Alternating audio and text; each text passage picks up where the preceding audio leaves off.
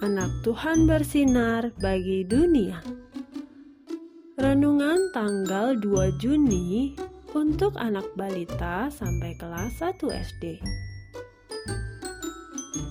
Roh Kudus memampukan Petrus. Diambil dari kisah para rasul pasal 2 ayat 4a.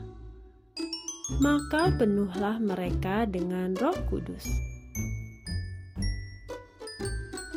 Bintang terlihat gelisah, bolak-balik menyalakan dan mematikan lampu kamarnya.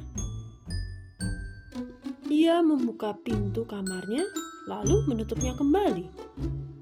Mentari pun bingung melihat tingkah Kak Bintang.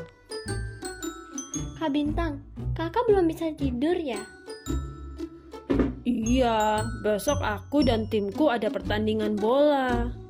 Aku bingung bagaimana agar tim kami bisa menang. Aku dengar tim lawan kami itu hebat-hebat. Hmm, aku bingung. Kak Bintang, kita berdoa aja dong. Mentari dan Bintang pun berdoa bersama. Tuhan Yesus, tolong supaya aku tenang dan dapat tidur nyenyak malam ini. Tolonglah supaya esok hari aku bangun dengan tubuh yang sehat. Tuhan, tolong juga aku dan timku yang akan bertanding sepak bola besok. Tolong supaya kami bisa bermain dengan baik.